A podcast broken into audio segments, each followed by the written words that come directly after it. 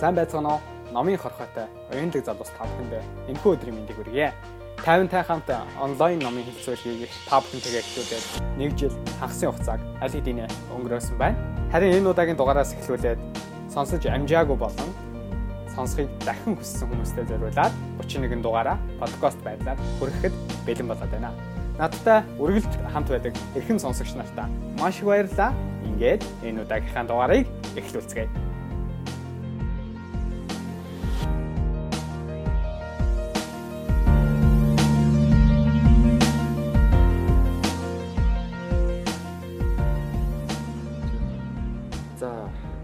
Сайн байцсан уу? Оройн дөргий. За өнөөдөр ингээд амралтын өдөр, бүтэнсээ өдөр, номын баяр болж тийм үү? Номын баярын хоёр дахь өдөр нь болж байна. Тэгээ болохоор энэхүү лайвыг одоо хийж байгаа гол одоо тийм үү? Зорилго нь өөрөө юу гэсэн гэхээр сайхан нийгэмд гоё эерэг мессежийг түгээе. Номын талаар сайхан ярилцлага лайв одоо хий гэж одоо бид хоёр зориод энэхүү одоо лайвыг одоо хийж байгаа маа. Тэр маш гоё ширээний номын талаар. За тэгээд нь одоо энэ номын еврейн хар хайрцагны нууц гэж байгаа. За энэ номын талаар болохоор бид нар одоо ярилцсан. Энэ номын талаар одоо тийм үү дотроо гарч ямар ямар фактууд байна. Тэгээд дээрэс нь энэ ном болохоор ширээний ном болох нэг хүний ном болсон байгаа. Тэгээд ширээний ном болсон талаар болохоор ярилцах болно. Миний хувьд бол өнөөдөр одоо бас яг 7 хоногийн өмнө найз байсан маа тий. Еврейн хар хайрцагны нууц гэдэг энэ номыг хүмүүс их сонирхолтой байдлаар яаж өгөө энэ ном яагаад унших болсон бэ? Яагаад ширээнийхээ номыг бодсон бэ гэдэг ганцаараа иддэг идсэн хаа таргалдаг гэдэг шиг найзуудаа бас энэ номны агуур хуваалцыг болсон. Номынхоо тухай товч ерөнхийдөө танилцуулга хийгээд байна.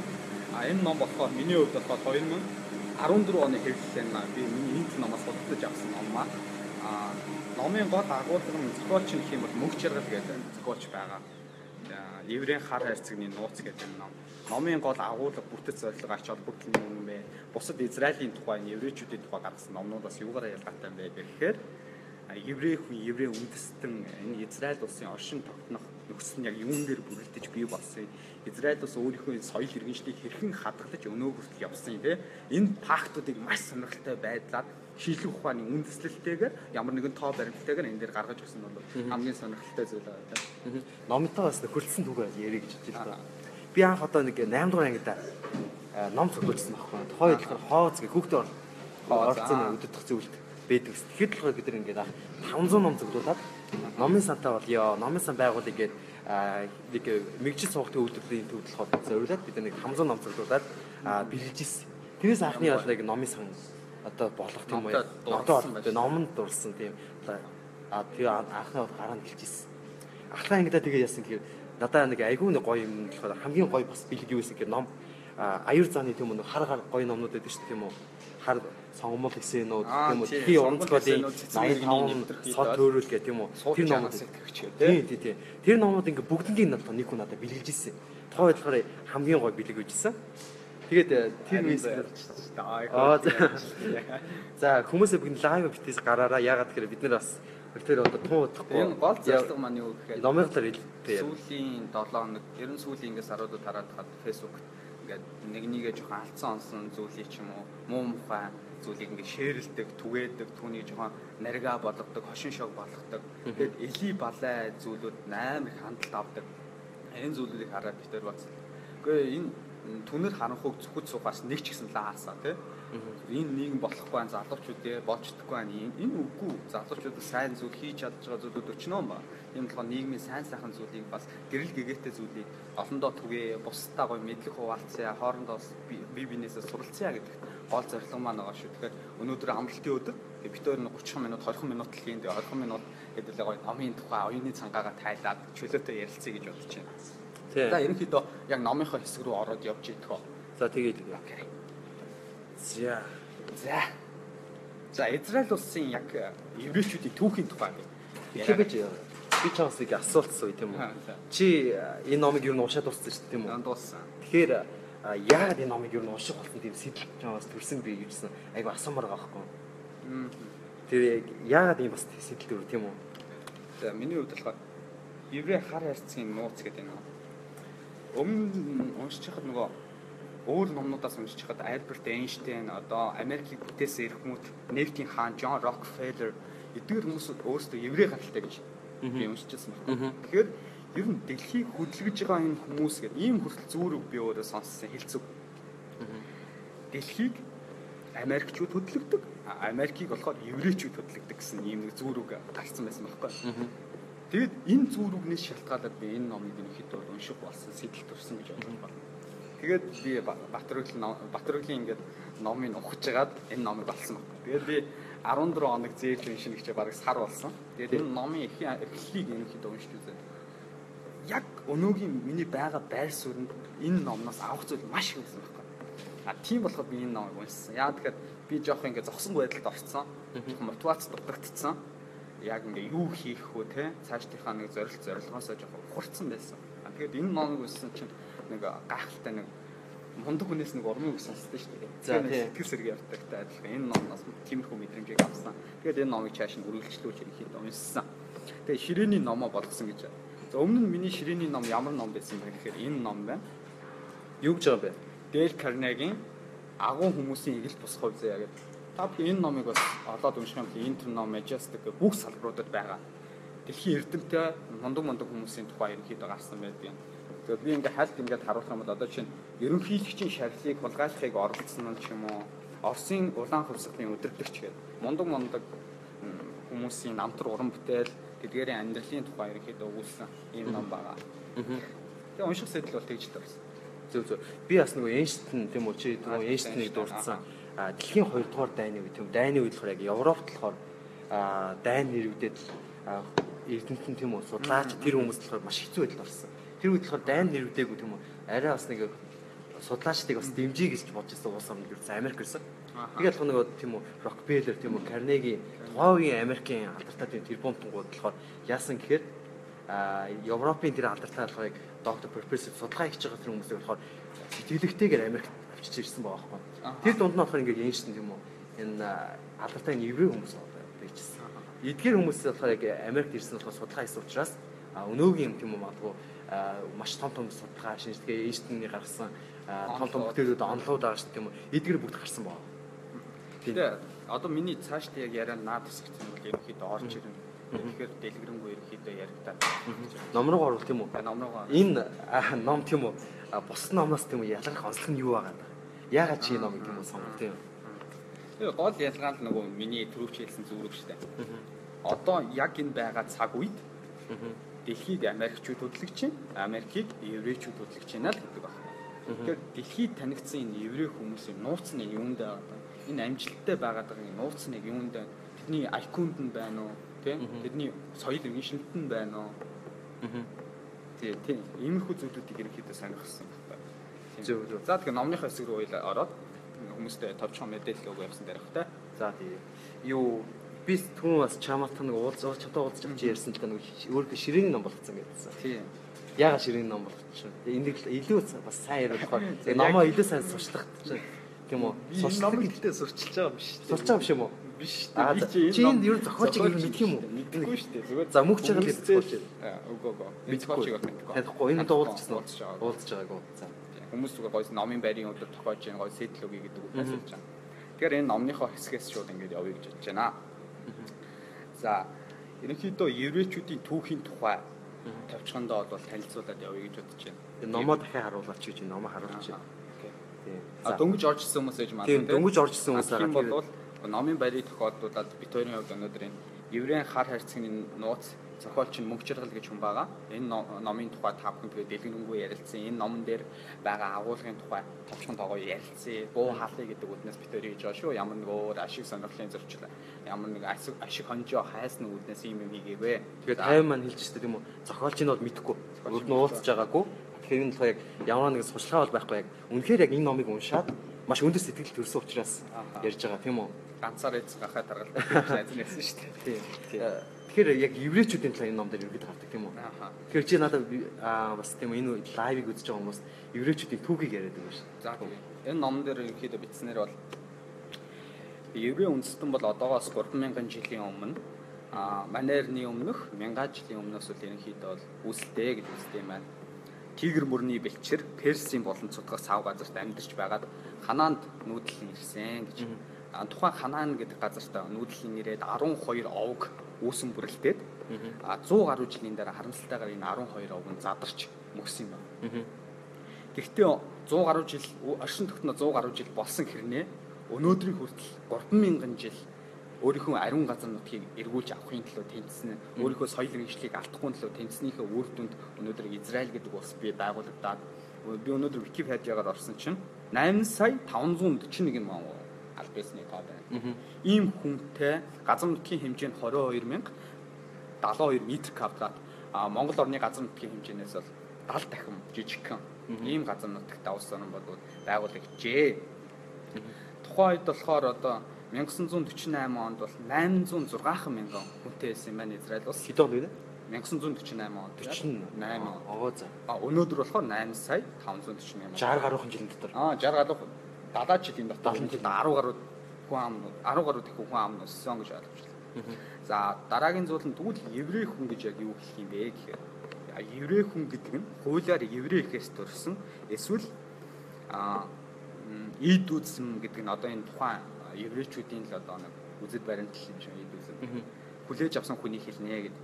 Израилийн 10 еврей хүний 9 цагаач а цагаачдын хоёр дахь үеийн үр сад байдаг аа гэж еврей хүн гэж бол яг иймэрхүү үнийг хэлдэг юм байна. Тэгэд манай эртний өмнөх 1000 жилийн өмнө байгуулагчаа 100 жилийн дараа задарсан. Тэр цаг үеэс хойш еврейчүүд Европ, Төв, Хойд Америк Дэлхийд даяар тархсан. Дэлхийд даяар тархаж, цагаачж, цагаачилж ерөн бол тархан сүрсэн амьдэрсэн юм байна л. Тэгэхээр манай эртний өмнөх 10-аас манай эртний өмнөх а манай эртний өмнөх 10 дугаар зуунаас манай эртний 7 дугаар зуун хүртэл нэгсэн дон чин 10 үд чин 1700 жил. 1700 жил. 1700 жил Сир, Ассир, Вавилон, Грек, Ром. Тухайн газар еврейчүүдийн газар нутгийг эзлэн авч эзлэн авч еврейчүүдийг боол болгон зарах, нүүлгэн шилжүүлэх дайны зориулалтаар тухайн газар нутгийг ашиглаж ирсэн байна л да. Еврейн энэ хүнд одоо жишээ нь бусдын боолчлолтоор, бусдын дарамтан доор ингэж байсан цаг хугацаа хугацааг бол хоёр том цагаачлал гэж байсан. Хоёр том цагаачлал. Хамгийн ихний цагаачлал нь болохоор 1391-ээс 1492 онд Испаниас эхэлсэн юм байна. Тухайд Испанд католик шашинтай болоод болсныхоо дараа хаан нь 1492 онд нутгаас хөөх шийдвэр гаргасан. 150 мянга орчим еврейчүүдийг 150 мянга нутгаас хөөх шийдвэр гаргасан байна. Тэгэд тухайн 150 мянган еврейч хөөгдсөн еврейчүүд болохоор Португал, Франц, Итали, Турк, Араб гэх мэт орнууд руу цагаачлагаас өөр сонголт байгаагүй. Тэгээд тэдгээр орнууд руу бол нэгсэндээ цагаачилж гарсан юм байна. За хоёр дахь том давлгаа. Энэ бол нэг 50 юу на энэ дээр бол яг надад нэг санаа юм уу санаач шээ. А яг бодож исэн нэг бодол маань нэг ороод ирлээ. Тэр би шууд нэг таслаа ороод ирлээ дуустаа. Хоёр дахь давлгаа гэж дараа нь энэ дэр нэг юм ажиглаад байгаа тийм үү. Хүмүүс чинь нэг манайхаа чинь нэг сайн яваа нэгэндээ амар нэг атархаад шүү дээ тийм үү. Тэр тэр нэг зан чанар байгаад юм шиг. Еврейчүүд өөрсдөө тийм үү. Герман дэлхийн хоёулаа үед тийм үү. Дэлхийн дайны үед болохоор Германы тийм үү эдийн засгийг атгачихсан байсан. Одоо ч гэсэн нөгөө дэлхийн эдийн засгийг атгачихсан хүмүүс чинь еврейчүүд байгаа шүү тийм үү. Тэгэхээр нөгөө яг алдартай нэгээс нөгөө энштэй ч юм уу те а алдартай эрдэмтэн доктор хүмүүс байгаа. Эдгээр хүмүүс чинь еврейчүүд. Тэгээ манайгаа ч нөгөө нэг сайн яваа нэгэндээ нөгөө ухаантай хүндээ нэг атархадаг. Тэгээд ингээ хөөгдөд тугдаа яваад исэн юм болов. Яасан надад нэг тийм нэг бодол байгаад тий. Тэр нь яасан юм бол? Тий. Ер нь бас нэг хөөгдөд тугдаад ердөөсөө юу шүү дээ стартап нэшн гэдэг үндэстэн тийм үү одоо улсад байгуулах уу гэдэг нэг ном байгаа. Тэр ном дээр болохоор яаж дэлхий дээр тийм үү еврейчүүд 20 дугаар зуун хүртэл саяхныг хүртэлсэн өөрсдөө гэсэн газар нутаг байхгүй. Тэгээд тэгсэн мөртлөө болохоор ингээд дэлхийд дэлхийн санхүү гэдэг юм атгацсан юм уу. Яг ингээд яваад байна шүү дээ. Тавчуу чи аим дэлгэнгөө тайлбарлаж байсан ойлгосон юм ингээд. Гэхдээ тэрийг бол мэдээж түүхч судлаач нарийн ширийн хүмүүс нь бол өөр өөр гайхалтай судлаач судлаа шийдлэг номон дээр харуулсан баг. Би бол нэг аим дэнд онолдоол энэ тэгсэн baах гэж яриад байгаа бол илүүцээ. Тэр хөв өнөхө залуу хүнийхээ бодож байгаа зүйл болохоор яг эн чин цагаалчлалын систем бол 1391-ээс 1392 он гэхэр чинь тухайн үед бол мэдээлэл технологи юм хүү одоогийн байгаа шиг бид нарт шууд хоорондоо ингээ харьцаж байгаа энэ цаг үе бүх зүйл нь боломж нь нэгдэх байгаагүй шүү дээ. Тэгэхээр тухайн цаг үед зүгээр газар нутгийн тулаан хийх, өөрийнхөө эрх мэдлийг дамгай болгох, хүн амаа ихсэх, тухайн газар нутагт байгаа байгалийн баялагийг өөрийн өмч болгох юм уу. Тийм үүднээс тэнийхэд дайнд план хийж маш олон хүний амь насыг бол эрсдүүлжсэн. Гол зорилго нь тийм. Бусдаа нэг амар тийм би битэй хатаарах ч юм уу те. Тиймэрхүү зүйлээс бол чигийг байх л гэж бодож дээ. За хоёрдугаар давлага нь алаа. А хоёр дахь давлага нь болохоор колончлолын газар нутгийг тэлхэд зориулагдсан гэж. Ерөнхийдөө бол колончлолын газар нутгийг тэлхэд зориулагдсан. Христофор Колумб, Метеллон, Дел Кано нараа чухал үүрэг гүйцэтгэсэн гэж үздэг юм байна. Энэ хоёрдугаар давлгаа нь. Еврей алт түмний түүх номонд болохоор 19-р зууны их гэхээр ч одоо 1800 оны ихээр гэсэн үг. 1810-ад оны ихээр Дэлхийд 2.2 сая еврей байсны 80% нь Европт, а 10.5 саяд болохоор хүрсэн. Яг тухайн 19-р зууны төгсгөл хавьд 10.5 сая ирсэн гэсэн. Дахиад 2 саяар энэ хэд нэмэгдсэн гэж бодож байна. Тэр үед болохоор 8.5 8.5 сая нь болохоор Европт байсан. А 1 сая орчим нь Америк үлдсэн Аз, Африкт тархан суурилсан байдаг юм байна. Тэгээд 1900 1900-аад он гараад нэгсэн дэлхийн 1-р дайн, дэлхийн 2-р дайны хүнд үеуд бий болж эхэлсэн. Энэ үед болохоор одоо 2 том цагаачлалууд ингээд уурчлаа шүү дээ. Еврейчүүд ингээд 3 төв, 4 твд ингээд хоорондоо тархан суурилсан байна. Одоо тэгвэл яг дэлхийн 2-р дайны үед 1935-аас 1945 оны үед маш том цус даалдаг болсон. Энэ нь юу вэ гэхээр Адольф Адольф Адольф Гитлерийн еврейчүүдийн өвхөл өрөөнд яг энэ 10 жилийн хугацаанд 6 сая еврей хятсан байна. 6 сая. Яг 1935 онд болохоор 12 саяулаа гэсэн еврейчүүд. Гитл тухайн үед Гитлер ямар үндслэлээр ингэж маш том хяналтыг хийсэн бэ гэхээр шашин болон арьс өнгөний үзлээс үзэл гэдэг нэрийн дор 6 сая еврейчүүдийг хятсан байдаг. Нийт хүн амынхын талын эзэн гэхээр чинь бол аимшигтай тонцос талтаа байна. Тэгээд 6 сая еврейчүүдийн аминд хүрээд 1945 хүртэл энэ цус дадлага бий болоо. Тэгэд хүмүүс нөгөө байнга гадуурхтаад арьс өнгөний үзэл шашнаасаа болоод ингээд хядуулаад байгаа энэ тохиолдолд хүмүүс цагаачилж эхэлсэн. Хойд Америк руу, өөрийн ойр орнуудын орнууд руу, Европ руу нэгсэндээ цагаачилж эхэлсэн. Гэхдээ түүхэндээ бол еврейчүүд энэ цус дадлага, энэ их нүүдэл суудал хөөгдсөн энэ зүйлийг болохоор сургамж гэж эргээр хүлээж авдаг. Яагаад тэгэхээр тухайн хөөгдөж утсан газар нутагтаа еврейчүүд очиод тухайн орны хүнээс нь суралцдаг байсан. А гэхдээ тухайн орны хүнээс суралцахаас илүүтэйгээр энэ хүнээс би яаж энэ их орнод ажиллаж чадах вэ гэдэг өөрийг харуулдаг байсан. Эргэж нөгөө өөрийн ариун газар нутгаа олж авахын тулд маш их ихромж байдлаар өөрийгөө хөгжүүлдэг байсан. Эдрийг энэ бүхэн нь болохоор эргээд томоохон сургамж болсон гэж үздэг юм байна л да. Тэгээд 1900 зан намд болсон байна. Юун дээр түрүүн ярьсан чи 6 сая хүн хядуулсан тийм үү? Надад хэлээд найз нь болохоор нөгөө нэг 2015 оны 2 сарын 20-д 3 сарын ихээр ихээр юм. Аа Польшийн Аушвиц гэдэг манайхан сайн мэдэндээ нэг аав хүүтэй нэг кино гэдэг шүү дээ хүн аав нь болохоор хүүтэй тийм үү танк бэлгэн гэдэг кино лөө. Тийм баха нэг аав нүүдээ нэг танк бэлгэн гээ тий. Аа хорих лагерт ингээ байлгаад идэг. Тэр талаар гардаг. Яг яг тэрний нөгөө кино гэжсэн газраар яваад за дээрэс нь би аав шиц орчихсон. Би аав шиц орчихсон ч тэр нэг парктууд байсан байхгүй юу? Ямар паркт байсан бэ гэхээр аа тэнд болохоор тийм үү? Еврей хүн очингууд шүү дээ тийм үү? Очингуудаа ингээ одоо ялгана. Одоо яаж ялгана гэхээр эрэгтэй эмэгтэйг нь ялгачих.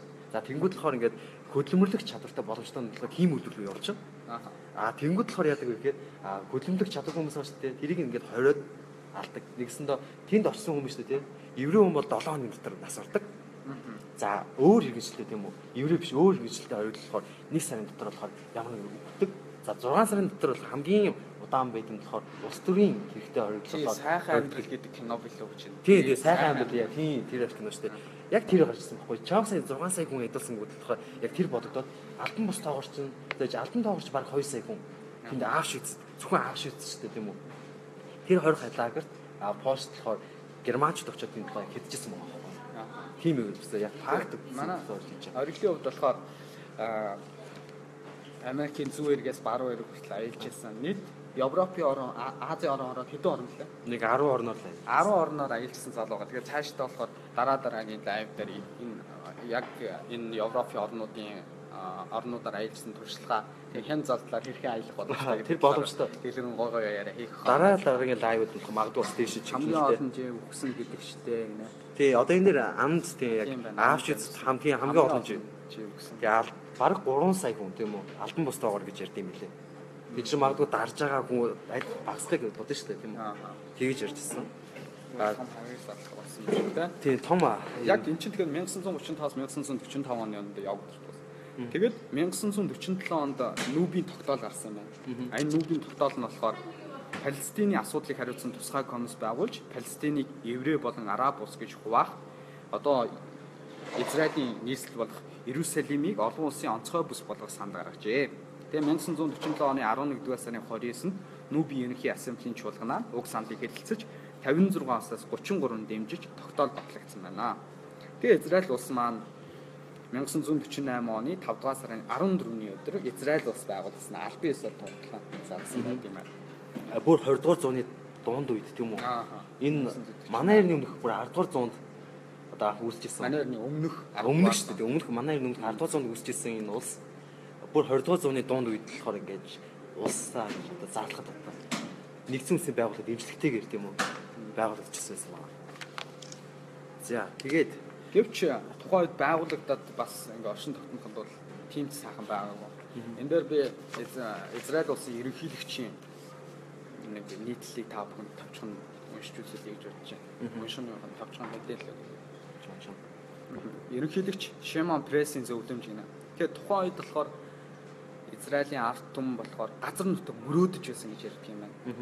Гэтэл нүүбээс олгогдсон тухайн газар нутаг нь Google Maps харуулах боломж байна болно шүү дээ. За би тэгэхээр та бүхэнд одоо Google Maps-ээс харуулъя. Камерыг үлээ. За эндээс. Аа. За. За яг Израилийн газар нутаг болохоор энэ дээр харагдаж байна. Одоо тэгээд ерөнхийлөгч нь хэлэхдээ болохоор юу гэж хэлсэн бэ гэхээр бидний нүүбээс олгогдсон тухайн газар нутаг тийм ч тааламжтай газар нутаг байгаагүй. Алт нефтийн тухай яриад ч хэрэггүй, ус байхгүй, цөл дуун, маш хүн гадна нутгийг биднэрт олгогдсон байсан. Гэхдээ биднэрт сэтгэл зүрх байсан хоёр зүйл бидэнд байсан гэж ярьд юм байна. Яагаад тэгэхээр тухайн Израиль улсын хувьд хойд хилээрээ яар сайн газар нутгийг гаргаж дахиад орлоо тийм. За. Одоо та харж байгаа. Лив болон Сир, Эрдон, Өргөшөө. Өргөшөө болохоор Лив. Аа. Ливийн одоо ишигээ Турк. Ааха, Турк гэх. Яг дайны одоо одоо л яг дайсагналын дунд одоо аршин яг тойрны одоо алхам бол тийм. Ирак Сир одоо бол маш их алхам хадлага террористууд Сириэс маш олон хүн дөрүүж байгаа тийм. Тэгэхээр ийм газар нутаг дунд ийм Израиль бас 1948 Гэхдээ тухайн үед алтан юу гэж бодсон бэ гэхээр хэрвээ бид нар хөгжихгүй болвол ард түмэн боловсралтай болохгүй бол биднэрт өөр сонголт байхгүй. Хэрвээ бид нэг ялагдах юм бол биднэрт өөр сонголт байхгүй. Яагаад гэвэл ялагдвал дахиад одоо цагаачлах тий дахиад хэм тэнүүчлэг хэм тэнүүчлэг ийм амьдралыг бид нар сонгох хэрэгтэй байсан. Тийм болохоор залуу хүн болгоно эх орон сэтгэлдээ байдаг учраас эх орныхоо төлөө гэсэн зүрх сэтгэлийг байсан нэг том даваа. Хоёр дахь даваа нь юу гэхээр бидний дайсагналын дунд байгаа юм чинь бид нар зэвсэг үйлдвэрлэх хэрэгтэй байна гэж ойлгосон. Бид нар зэвсэг байхгүй, нэг ч хэрэг генерал байхгүй, нэг ч хэрэг генерал байхгүй, нэг ч хэсэг цэрэг байхгүй. Энэ тохиолдолд бид нэр батлан хамгаалахын салбараа эрчимтэйгээр хөгжүүлэх хэрэгтэй байна. Үүний дунд бид нар батлан хамгаалахын салбартаа IT-га IT-г нэвтрүүлэх хэрэгтэй байна гэсэн маш том давуу тал болсон.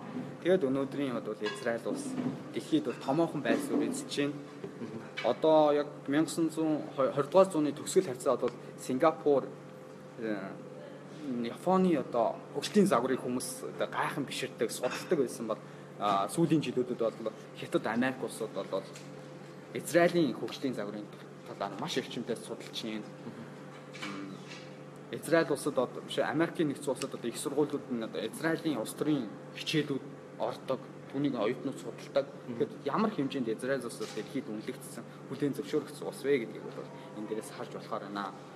Тэг яг номны агуулгын тухай ерөнхийдөө яриад тэгээ дэлгэрүү дэлгэрүүлээ бит хоёр бас өөрсдөө судалсан зүйлийг ярьж байгаа шүү залуусаа. Тийм одоо бит хоёрын ярьж байгаа зүйлс тийм үү энэ тэндээс бас очсон газар за сонсон паркууд за тэгээ хамгийн гол юм нь болохоор одоо шинээр бас орж исэн хүмүүс бас байгаа. Еврейн хар хайрцагны нууц гэж байгаа. За яг энэ номон дээр болохоор илүүтэй ингэж чигэж болохоор ярьж байгаа юм шүү. Тийм. Lyman болохоор а шинээр орж ирсэн хүмүүст болохоор хадгалагдана. Тэгээд тийм болохоор эргээд бас эхнээс нь одоо үзэх боломжтой байгаа.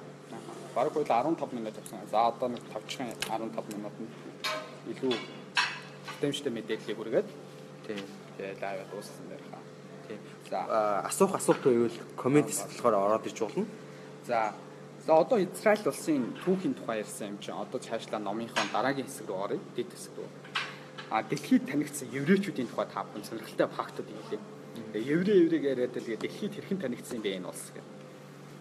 За шинжлэх ухааны салбар дах ноёлж ирсэн еврейчүүдийг та бүхэнд хэлэх юм бол номоо эргүүл гинэ. За. За эргүүл гэдэг нь болохоор одоо инхээр одоо аа нөгөө камер камер ингээ буруу харагдаад байгаа. Одоо энэ чи одоо яаж харуулах юм бэ те? За энэ дээр нэг жижиг хэсэг энэ магадгүй ингээ гүйс харагдчих магадгүй. Еврей хараа хэрцгний нууц гэж байгаа. Ийм шар аа шаргал ийм ном баг. Тэгээ ном сурчлах үйл ажиллагаа биш чи. Тийм ном. Бид хоёр бол ном сурчлаагүй шүү дээ бүгд нэрээ. За шинжлэх ухааны аа дэлхийд танигдсан еврейчүүдийг та бүхэн дуртай. Тэгээ хүмүүс багсаад штэ. Альберт Эйнштейн. Тэгээ харьцангуй онлоор нь бид бүхэн тань энэ хүнийг Альберт Эйнштейн аа Нилс Бор байна тий.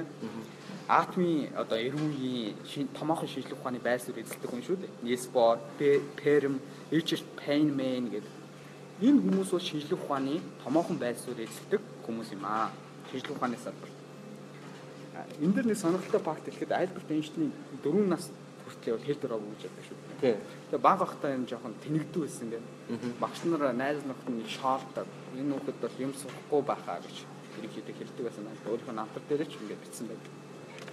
Тэр үед ганц уурт нь тусалсан хүн хэн байсан бэ гэхээр ээж нь.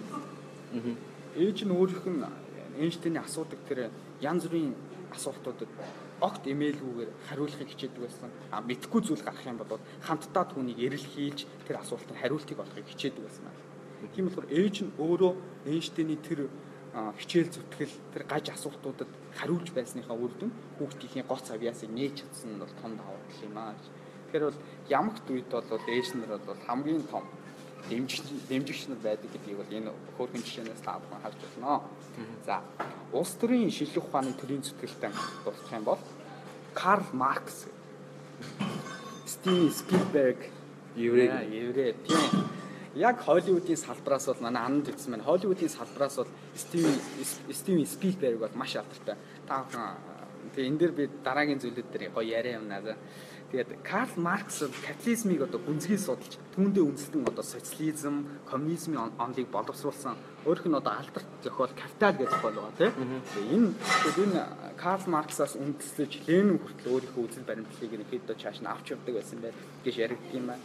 За дараагийн нь болохоор Хенри Кессенджер гэж 1938 онд 15 настайдаа Гитлерийн одоо нөгөө харгас аа, дарамтанд ороод зүхтэж Америкт цагаачилж ирсэн юм байна. Энэ хүн юугаар онцлогтой юм бэ гэхээр Вьетнамын дайныг одоо эцэс болгоход томоохон байр суурь эзэлсэн томоохон гавьяатай хүн юм байна. Энэ Хенри Кессенджер гэдэг хүн маа. Тэгээ Вьетнамын дайныг зогсооход томоохон байр суурь эзэлсэн. а Үүнийхээ үр дүн Нобелийн шагналд хүртэж чадсан хүн байна. Тийм болохоор яах аргагүй энэ еврей хүн бол дэлхийд бол томоохон байр суурь эзлэх хүн юм байна.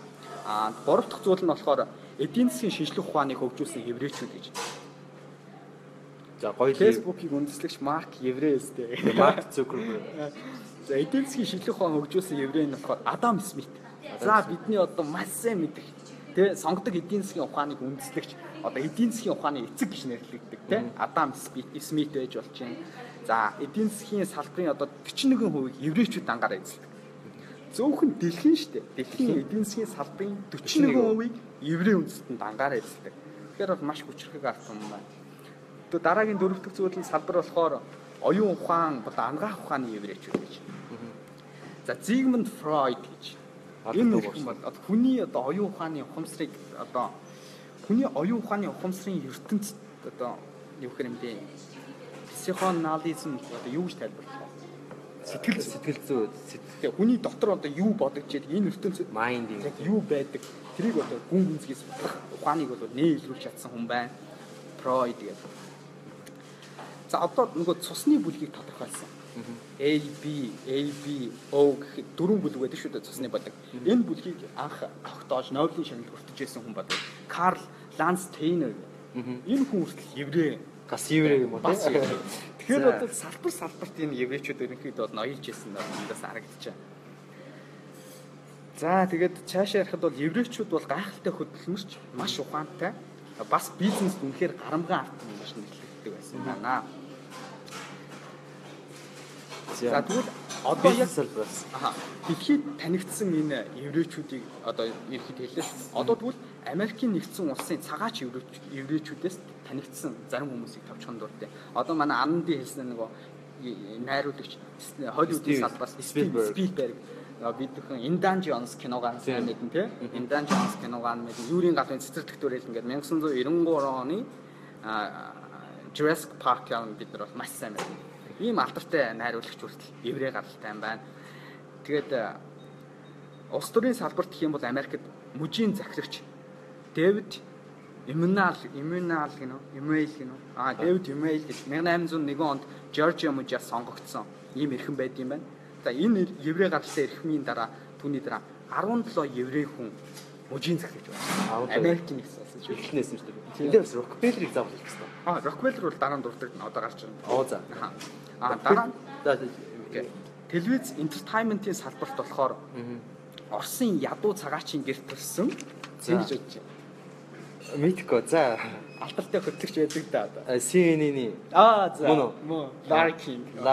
Тэгээ бидний сайн мэдэх Larry King бол бас еврей гаралтай хүн байсан байна. Энэ хүн Нью-Йоркийн Бруклин хотод баг багтаа маш хүн тарчиг амьдралыг туулсан. Тийм болохоор сонин зарах ажил шуудан хүргэх ажил энэхийдөө хийдэг байсан байна. Тэгээд бага насндаа бол бусдаас их онцгой хөгд байсан байна.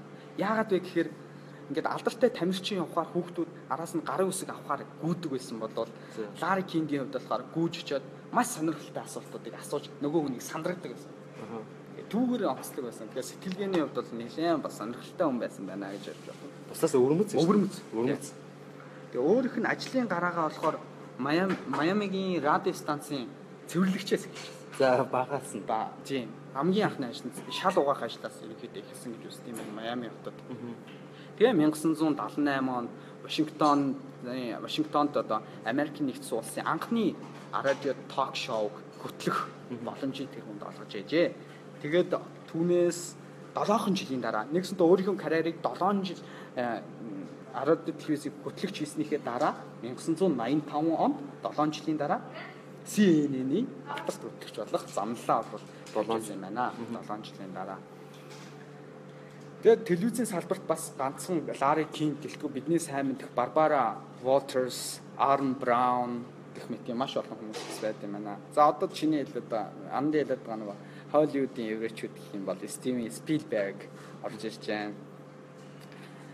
За хувцсны брэндэд болохоор Хувцсан төслөө юу. Хувцсны поло загварыг үндэслэгч. Одоо поло гэдэг хувцсны загвар шүү дээ. Энэ загварыг үндэслэгч Ralph Lauren гэж залуу хүртэл еврей гаралтай. Өөрөө будагчин гэр бүл төрс өссөн. Тийм болохоор нөгөө будгийн сонголт, аливаа өнгийн сонголтыг ерөнхийдөө багаасаа мэдэрдэг, түүний их сонирхолтой байдлаар хийдэг тийм залуу байсан болохоор энэ поло загварыг үндэслэхэд бол энэ нь бол нэлээд төхөн болсон гэж үздэг юм байна. Тэгээ Kevin Klein шүү дээ. За.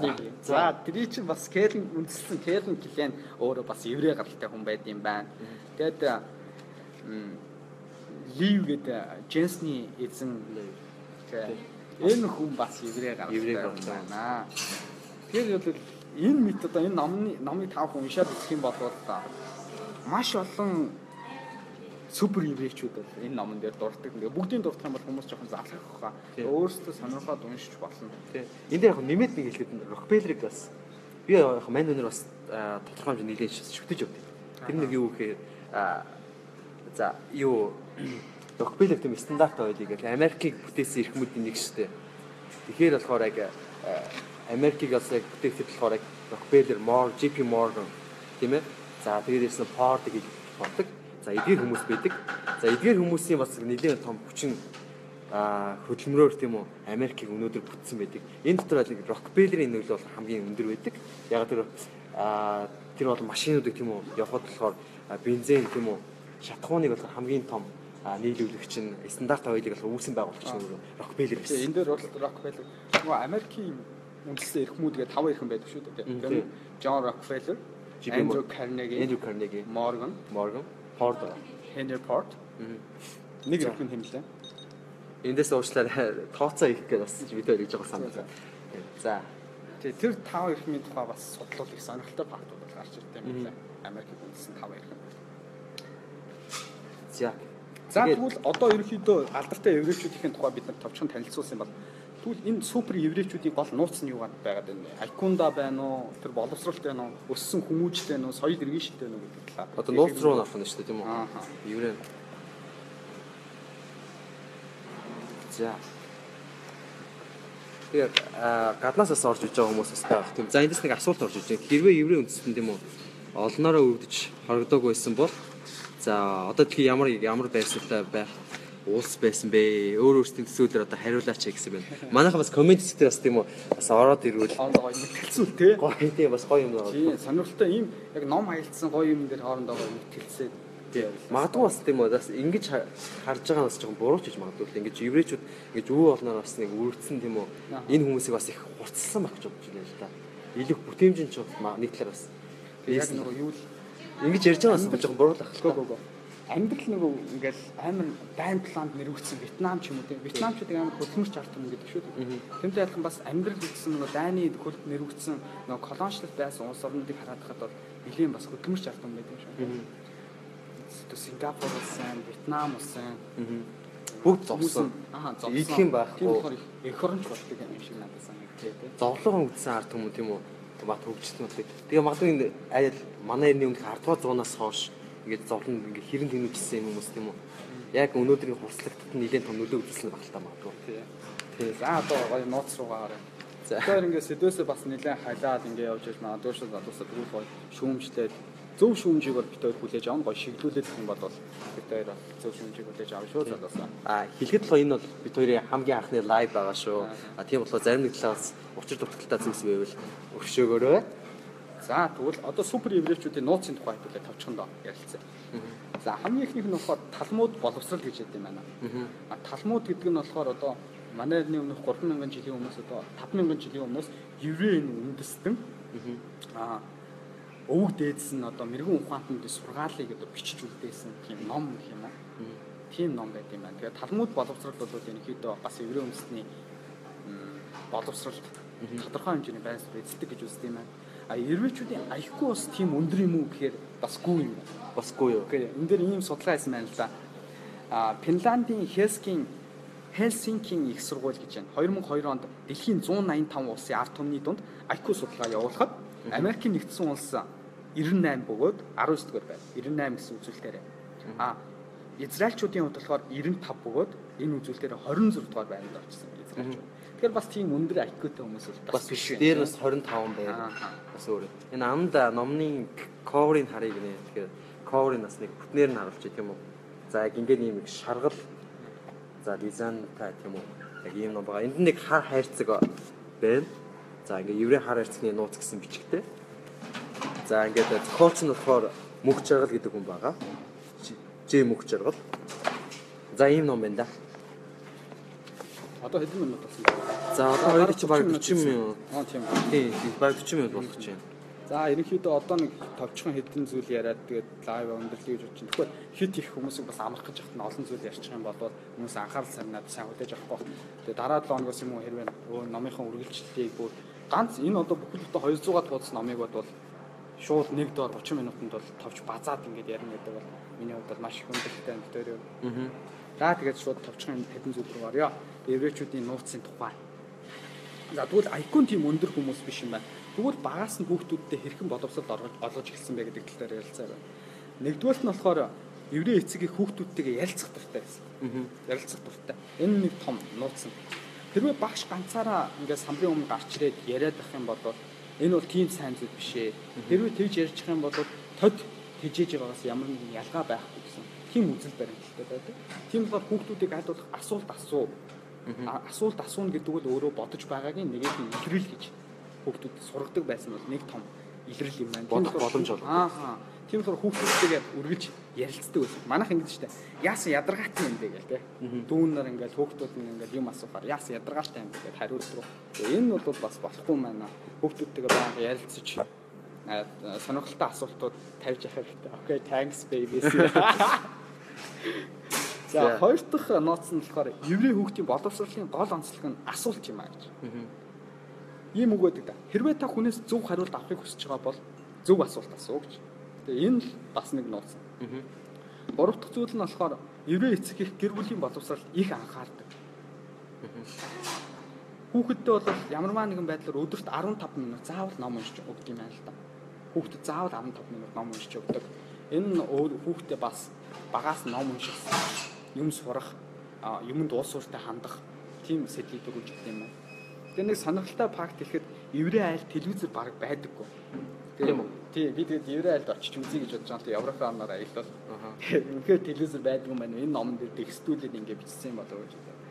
Тэгэд яагаад тэгсэн бэ? Телевизээр үздэггүй вэ гэхээр Америкийн East Вашингтон их сургуулийн багш доктор Барбаро Брук 385 айлд судалгаа хийхэд телевизргүй айлын хүүхдийн 51% нь бүх хичээлдээ A авч эцэг эхчүүдийн гэр бүлтэйгээ өнгөрөх цаг илүү байсан гэж үздэг юм байна. Тэгээ еврей эцэг эхчүүд амлалтын өдөр хүүхдүүдтэй одоо ингээл аа за миний хүү хичээлээ хий гэчээд өөрөө телевизораас зургт үзээ суудаг. Тэгээ хүүхдээ хичээлийн хийлэх гэж байгаа бол хамтдаа сууж тэрхүү хичээл хийдэг. Бас хэцүү байх шүү дээ. энэ бол боловсролынхаа нэг зөв хандлага нэ тий. Миний хүү хичээлээ гэрэг нэг өрөөндөө оруулаад аа өөрөө телевизор үзээл тий. Суучих бол бас тиймч таатай зүйл биш гэж үзсэн юм байна. За дараагийн нэг нь нууц нь болохоор ээжийн хэлсэн онцг гинэ. За тэр нь юу вэ? Тэр нь юу вэ? Гэр орон шатаж эд хөрөнгөө булаалгасан ч аюулгүй байдаг зүйл юу вэ гэж хүүхдүүдээс үргэлж асуусан. Энэ нь болохоор тэр нь биегүү, өнгөгүй, үнэргүй. Энэ энэ бол биегүү, өнгөгүй, үнэргүй. Энэ бол еврей ээжүүдийн хүүхд хүүхдэрээ таалгадаг онцгой юм аа. Тэгээ нааг баг бахад бас ээж тэгвэл юу сурна эрдэм миний хүү гэдэг. Тэрнтэй адилхан нөгөө би хэрвээ ингээд тодорхой юм уншаад мэдсэн байх юм бол хинч надаас түүнийг булааж авч чадахгүй шүү дээ. Юу ч болсон аяа дайн тулаанч болсон тий хулгай дээрэмж болсон хязгаарч миний тархин дотор байгаа зүйл хүмүүс булааж авах боломжгүй. Тийм болохоор багаас нь хүүхдүүдэд ийм үзэл сурталыг бий болгож гисэн. Нэгсэндөө материалын зүйлээр өөрийгөө чимхээс илүүтэйгээр энэ тархиндаа маш их зүйлийг хөрвүүлж чадах юм бол та өөрөө хүнд хулгайлагдахгүй, хүнд хизээж автахгүй, үхэхтэй л хамтдаа авсандаа аваад орноо гэсэн юм үзэл баримтлалыг оруулж өгдөг юм байна. Толгонд орсон эрдэм тийм үү? Тийм толгоонд орсон. Энэ ч одоо булаахгүй шүү дээ. За тэгвэл аавын суудлага гэж бас байдаг гэж байна. Еврейд За аав ажилласаа орж ирээд аав суудаг тийм сандал гэж байдаг. Хүндлэл. Хүндлэл. Аав тэндээ орчичоод суун. Нэгсэндээ баг насны хүүхдүүд аавыгаа хүчрхэг байгаасаа гэж хүсдэг гэж. Еврей аав орж ирээд ном бариа суух юм бол тэр жаахан хүүхэд аавыгаа дүүрээд ном бариа суудаг. За үлгэр дуурлаа. үлгэр дуурлаа. аавсаа бий болгодог. Тэгэхээр ийм үзэл хандлагыг бол аав нар бас бий болгож өгдөг юм байна. За еврейчүүд гэр бүлэрээ цуглах цагийг хамгийн эрхэнд тооцдог. Дараагийн нэгэн зүйл нь болохоор еврейчүүд ахмадаа их хүндэтгдэг. Дараагийнх нь баруун гараараа шитгэж зүүн гараараа тэрнэ. Баахад нэг аавын суран тэлээний хамт гээл те. Тэгээ тодорхой та- тухайд амар уурал уйлал аавдаг ондоол явжсэн хэрнээ бол э, тэр шийтгэл бол биднэрт тодорхой Маш сургамж тийм. Нэг удаа Ухаарал бол зодуулна тэгээ хоёр дахь удаа газуудаа Ойлгоно. гурав дахь ойлгож эхэлнэ. Тийм болохоор энэ бол бас нэг томоохон байр суурь үздэг юм байна. За хүүхдийн боловсролын төв болсон гэр бүл баттай байхын тулд эхнэр нөхөр хоёр эвтэй байх ёстой гэж үздэг юм байна. Гэр бүлийн тийм үү найдвартай. Гэр бүлийн тийм сайхан харилцаа. Өнөөдрөх би нэг судалгаа харсан. Монголд гэр бүл сал 2007 оноос хойш эрчимтэй ихсэж байгаа юм билээ 2015 он. 2015 оны судалгаар 2500 хүрсэн байсан. Гэр бүл Нэг жил үү? Нэг жил. Нэг жил 2500 гэр бүл. Тийм болохоор энэ тал дээр бол бас Жохон бодолцоо анхаарах шаардлагатай шүү дээ. Еврейчүүд. гэр бүл төлөвлөлт нэг ерөнхийдөө бол гэрээчүүдэд маш чухал чухал байр суурь эзэлдэг юм байна. Тэгэд энэ дээр сонирхолтой баримт гэх манай үзэж байгаа эмэгтэйчүүд сонирн байж магадгүй. Мм Томс Хайдигийн. Хайдигийн А Кастер Брижийн дарга гэдэг. Одоо энэ Кастер Бриж гэдэг ааха. А, амбан захирагч тийм үү? Мэйер тийм үү байхгүй. энэ арманд болохоор архинд орж эхнэр одоо нэлэх охиноо худалдаж байгаа Майкл Хенчерд гэдэг нөхрийн тухай гардаг юм байна л да. Тэгэхээр чин одоо арчлалын үлгийн нутаг гэж яригддаг Англи улс маань өөрөө 19 дугаар зууны үед эхнэрээ худалдаалдаг тийм зүйл байсан байна. 19 дугаар сууны үед 300 гаруй эхн удаа одоо тохиолдол гэсэн үг шүү дээ. Эхнэрээ худалдсан тийм Мөнгөөр хөдлөх нь шүү дээ. мөнгөөр эхнэрээ худалдсан. Тийм тохиолдол хүртэл арчлалын үлгэн нутаг англи улсад бол бий болж ирсэн юм. Одоо болохоор Америк, Англи, Герман зэрэг нэлээд оронд эхнэр нөхрийн хүч хүчирхийллийн эсрэг хууль хүртэл батлагдсан. Манайх сая батлагдах гэж байгаа түр хойшлогч шиг боллоо тий. Хүчирхийллийн эсрэг хууль. Тэр нь бол батлагдаасаа гэж хүсэж байгаа. Тэгээ эндээ сонирхолтой баримт нь юу вэ гэхээр эхнэр нөхрийн тэгш эрхийн асуудал манай саяхнаас эрчимтэй яригдах болжээ гэчихэд энэ дэр юм байгаа байхгүй. Харин еврейн талмууд номд нөхөр нь эхнэрээ 7 хоногт 3-аас дээш тэврэх ёстой. Эхнэрээ нөхөр нь тийм үү? Тий, 3-аас долоо дээш хоногт 3-аас дээш хэрэгтэй юм тийм үү? ёстой. Аа за. Эхнэр нь хүсээгүй үед бэлгийн дур хүслээ хангуул үнийг хүчирхийлэл гэж тооцно. За айл айлныхын аа, хүсэл сонирхол Тэгэхгүй хэрэгтэй. ерөнхийдөө аа тийм. Аль нь тийм эхнэрээ хүндэтгсэн байлаа. Тийм байна. Эхнэрээ зоддог хүн хатуу шийтгэл хүртэх ёстой. А буруу зүйл үйлсэн нөхрөөсөө салах, хохирол нэхэмжлэх эрх эхнэр хүнд бий гэж үздэг юм байна. Үстэй байна. тийм. Талмууд номд. Тэгэхээр энэ бас үнэхээр эхнэрээ яаж дээдлэх үү гэдгийг тодор харуулсан. Бас их сурамжтай их амарчтай юм шүү дээ тийм үү? Тэгэн зарим хүмүүс энэ энэ зүйлийг сайн мэдгүй баг. Та бүхэн тийм сонирхолтой зүйл уншаад байгаа. Дэлхий дээр 12 хатуу зүйл байдаг гинэ. 12 хатуу зүйл. Тэндээс эхнээс нь уншия. Эхнийх нь чулуу юм. Гэвч чулууг төмөр дийлнэ. Төмөр галд гайлна. Галыг ус унтраа. Ус үүлэн чингэн. Үүл шаналл бүдэрч унана. Зовхон шаналлыг арх захин. Гэхдээ унтаад босвол арх гарна. Нойр үхэл шиг тийм хүчтэй биш. Харин хайр үхлийч дийлнэ гэж. Дэлхий дээр хамгийн хоёр ха- Би 10 энэсээ хатуу уялдаа холбоотой. Тэгэхээр хайр бол тийм хүчтэй зүйл байна. Ихэнх нь нэгстэй тийм үү? Аа. Аа юу биш ээ. Төсгөл нь төсгөл. Төсгөл нь буруу арч. Эхлэл төгсгөл хоёр нэг зангилаатай. Нэг цаглаатай тийм ээ. За дараагийн еврейчүүдийн нууц нь гэхээр еврей гэр бүл хоолны ширээний ард хамт хамтдаа байдаг. Үргэлж а хоолны ширээн дээр ямар нэгэн маргаан үргэлж гарч идэг. Тэр нь болохоор хоорондоо хэрэлдэн гэсэн үг. Биш. Маш сонирхолтой факт гаргаж ирээд асуулт гаргаж ирээд үр хөвгүүдтэй үргэлж эргээр мэтгэлцэж яадаг. Энэ нь бол нэгээс нь хүүхдийн оюун санааг тэлэх хүүхдийн мэдлэгийг тэлэх томоохон байсан юм байна. За ерөнхийдөө өнөөдрхийн одоо чи жоохон дүнэлтэй хэдийн ямарч наазар дараа 7 хоногт хэдүүлээ өргөжлүүлээ. Тэгэхгүй бол баг цаг гэж Цаг нийлэн бас зориулж энэ бас бид нар лавазаад энэ хүү одоо лав хийж байгаа бас эдгээр хасаа амралтын өдөр тийм үү 8 цагаас уулна хаад юм байна. Тэгээ бид тэр бас жоохон байнгын үйлчлүүлж болохоор жоохон бас дээрлэхэд ч юм тийм. Илэг бариад тийм үү. Бас жоохон цагийг устсаад одоо ажилуулж байгаа маа. За тэгэхээр яг дүгнэлт байдлаар болохоор өнөөдөр болохоор бид тэр за нийт болохоор хамгийн хүмүүс болохоор лайв хадгалах уу гэж бид тэр лайв хадгална. За хоёр дахь болохоор юуны талаар ярьч вэ гэхээр еврей хар хайрцагны нууц гэдэг номын талаар ярьсан.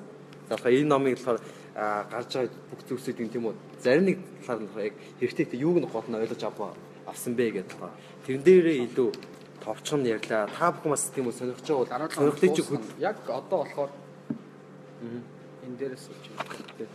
Яг энэ хэсэг дээр өнөөдөр дууссан байгаа хуудсыг харах юм бол. чи ном дээр бол ингээд айгүйх тэмдэглэл хийсэн биш үү хийсэн. Яг сонирхолтой ишлэлүүд дээр би ингээд тэмдэглэл хийсэн байгаа.